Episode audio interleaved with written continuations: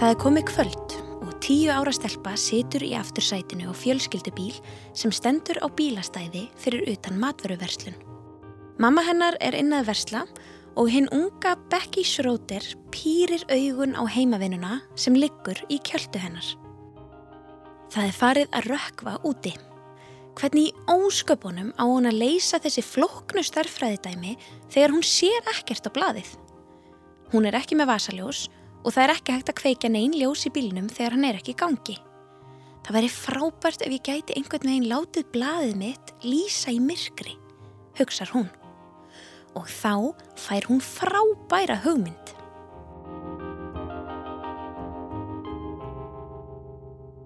Becky Schroeder er uppfinningamadur. Hún var tíu ára þegar hún ákvað að leysa vandamálið sjálf. Þetta var 1972 fyrir tæpum 40 árum svo hún gæti ekki notað iPad, tölvu eða síma til að vinna heimavinnuna sína í myrkri en það var ekki búið að finna slíka tækni upp. Hún skoðaði alls konar dót og hluti sem hún átti sem að lístu í myrkri. Hvernig gerðist það? Þau hlutu að vera búin til úr einhverju efni sem lýsir. Hún fór með pappa sínum í byggingavöruverslun og þau keiftu sjálflýsandi málingu. Svo málaði hún á spjald og prófaði að loka sig af inn á baðherbergi og slökka ljósinn. Spjaldið lísti og þegar hún lagði heimavinnuna sína yfir spjaldið sá hún starfræðdæmin sín. Becky Sróter er eitt yngsta barnið í sögu bandaríkjana sem fær enga leiði á hugmynd sinni. Hugmyndina kallaði hún Glow Sheet eða Ljómandi pappir. Geimvísindastofnunin NASA var einmitt að vinna í sveipaðri hugmynd á sama tíma og gatt notað uppfinningu Becky. Hjúkurnafræðingar fóru að nota glow sheets þegar þeir þurfti að skrifa seint á kvöldin og vildi ekki vekja sjúklingana í myrkrinu. Sjóherrin notaði þau líka þegar sjóleðarnir þurfti að skrifa hjá sér í myrkrinu út á sjó.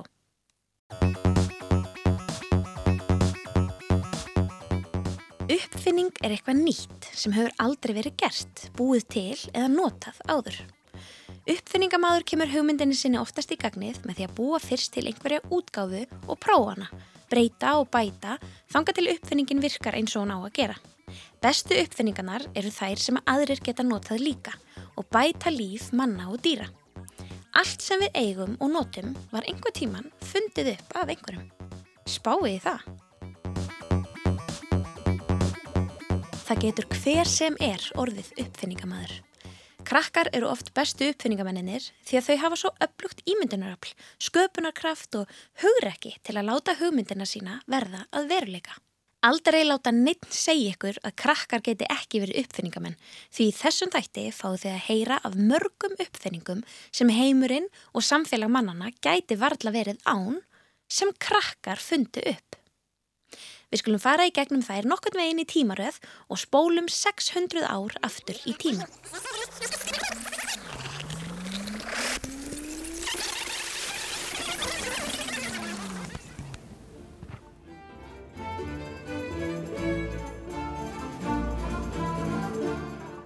Blaise Pascal var eitt fyrsta undrabarn starfræðinar. Hann fættist í Fraklandi fyrir tæpum 400 árum. Hann skrifaði sína fyrstu starfræðiritgerð aðeins nýja ára.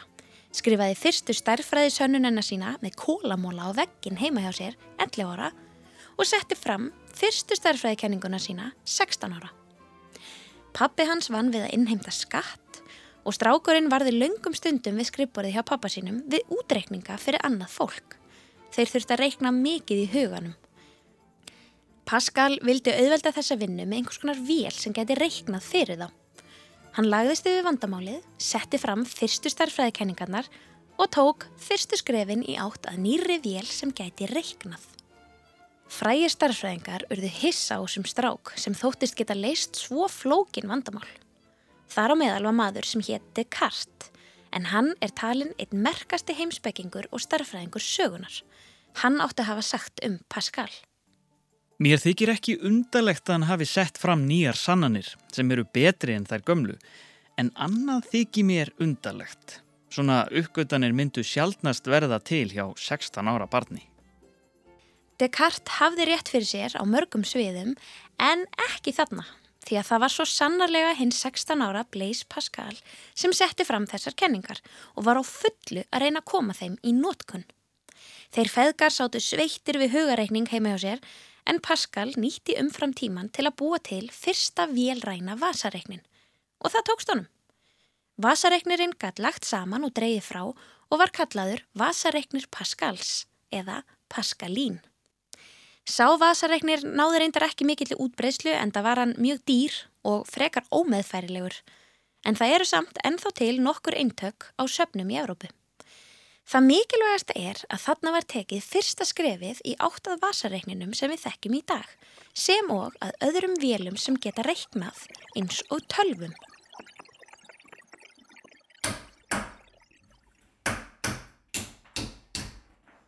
Við erum enn stött í Fraklandi en nú eru 200 ár síðan Blaise Pascal satt og reiknaði með pappa sínum.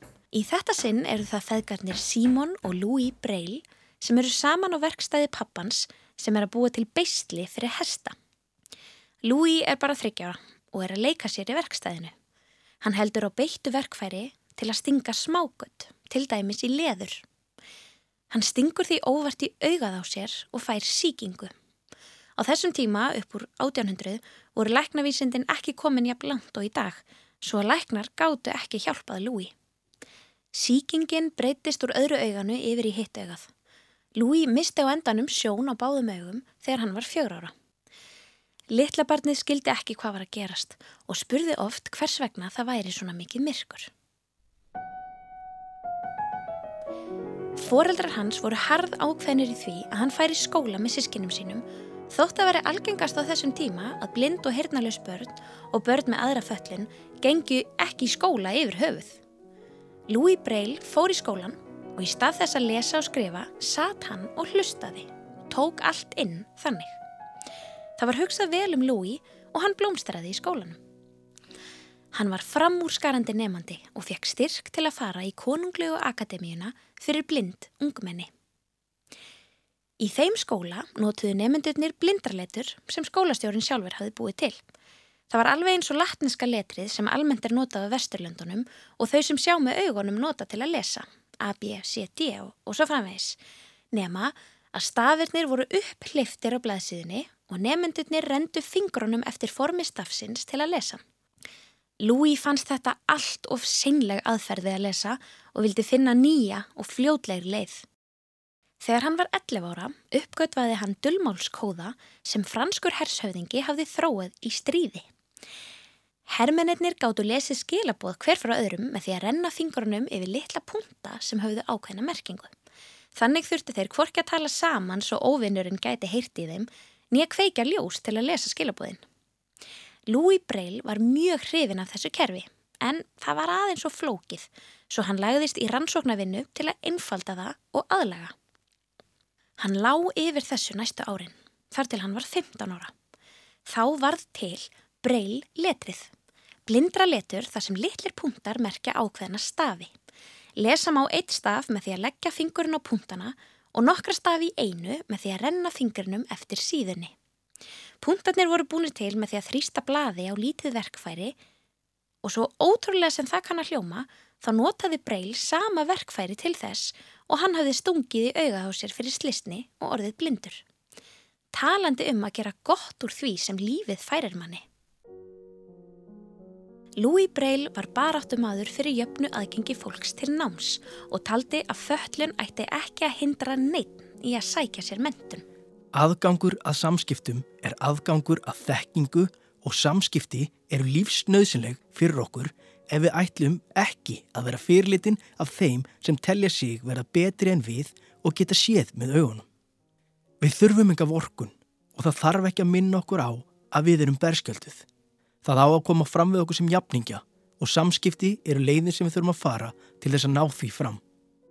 Dr. Richard Slating French, skólastjóri blindraskóla í Kaliforníu, sagði um letur Breil. Það ber merki snilligáfu eins og latneska letrið sjálft.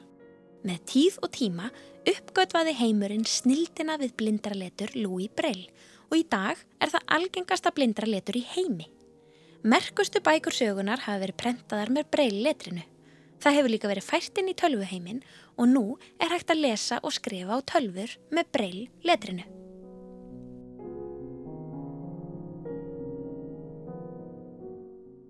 Við erum enn á tímaflakki á 19. öld en núna erum við komin til bandaríkjana.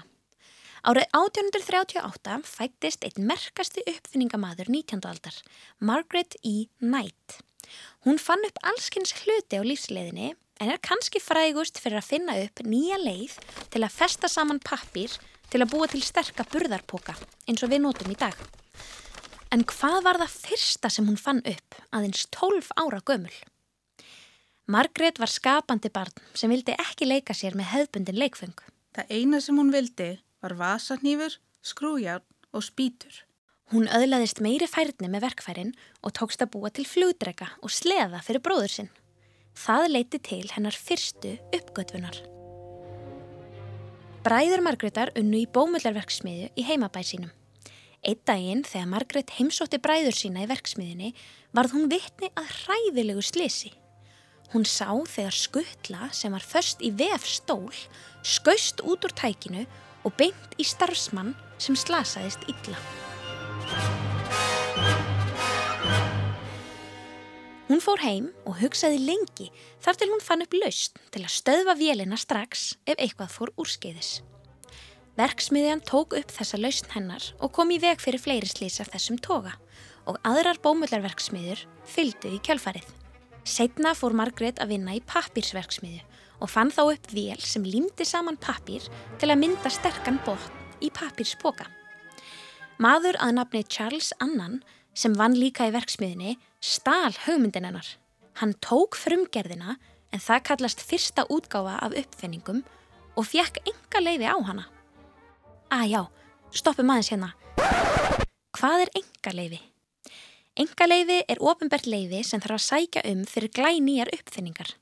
Leiðið er yfirlýsing um að uppfinningamadurinn eða konan eigi sína uppfinningu. Uppfinningin þarf að vera alveg ný og áður óþægt þegar sótt er um. Það má alls ekki vera búið að kynna hana eða tala ofinberlega um hana áður. Með engaleifi er hægt að koma í veg fyrir að einhver annar steli hugmyndinni frá manni, allavega í ákveðin tíma. En höldum áfram með Margréti. Margrét let ekki bjóða sér þetta, jafnvel þótt að Charles heldi því fram að konur gætu ekki verið uppfinningamenn.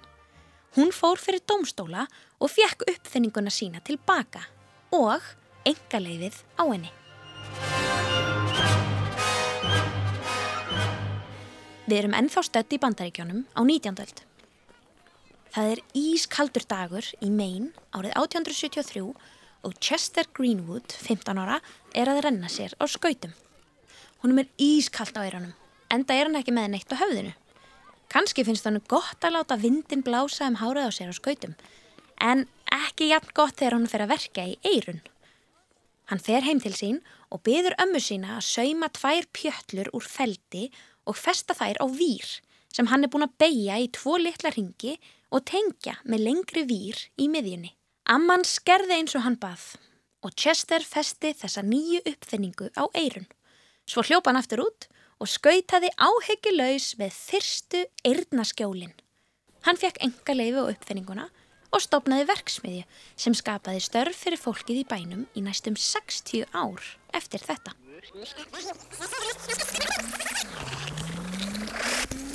Íspinnar eru framleitir í massavís um allan heim á hverjum degi. Á sólríkum sömardögum keira ísbílar um borgir, bæi, strandir og sveitir og selja krökkum og fullornum ískalda pinna sem gleðja og kæla. Og auðvitað var það krakki sem fann íspinnan upp, henn ekki hvað. Það er vetrardagur í henni sólríku Kaliforníu í Bandaríkjónum. Árið er 1905 og hinn 11 ára gamli Francis William Epperson eða Frank er að blanda saman bræðefni úr dufti saman við vatn. Hann skilur glasið óvart eftir yfir nótt á pallinum fyrir utan húsið. Glasið stendur þar með tréspítinu í sem hann hafi notað til að hræra bræðefnið og vatnið saman. Þessa nótt fellur hitastíð niður fyrir frostmark. Þegar Frank kemur aftur að glasinu morgunin eftir er drikkurinn frosinn og spýtan föst í miðjunni. Hann hafði uppgötvað nokkuð alveg geggjað. Frank byrjar að framleiða íspinna heimi hjá sér Hann prófa sig áfram með mismunandi bræðefni og fer með kassa af þessum frosnu drikkjum á ball hjá slökkvelistöðinni í hverfinu þar sem hann slær algjörlega í gegn. Síðar fer hann að selja á ströndinni og kallaði þetta Epsicle Ice Pop. Það nafn breytist síðar í Popsicle og var selt með ávaksta bræði og kallað frosinn drikkur á spýtu. Við myndum bara að kalla þetta íspinna í dag, ekki satt? Í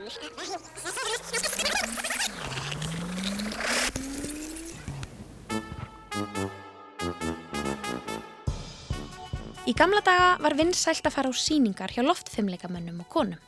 Þau hendu sér fram og tilbaka í loftinu, fóru í allskinn snúninga og leku háska leiki sem oft letu hárin rýsa á áhöröndum. Til að gæta öryggis voru net undir þeim sem gripu þann sem að myndi mögulega detta. Við erum stött á svona loftfimleikasíningu í Iowa í bandaríkjónum árið 1930. Í salnum situr 16 ára strákur að nafni George Nissen. Hann æfir sjálfur fimmleika og hefur unni til margra verðluna. Loft fimmleikamennir leika listir sínar en allt í einu missir einn þeirra takið á rólunni og dettur í netið.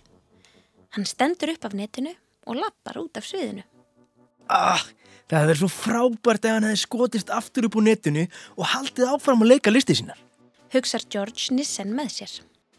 Þetta leiðir til þess að hann finnur upp græju sem hann kallar endurkast segl. Hann útbýr þessa uppfinningu í bílskur fóruldra sinna með því að strengja segldúk á stálramma. Hann heldur svo áfram að þróa þetta með því að nota dekkjastlengur sem tengingu á milli seglsins og stálgrindarinnar og setna koma gormar í staðin. Eru þið búin að átt ykkur á því hvað George Nissen var að búa til? Nissen var mikil íþróttamaður og æfði líka sund. Þegar hann komst að því að spænska orðið fyrir stökkbretti var El Trampolín, þá var nafnið á nýju uppfinningunni hans komið. Trampolín.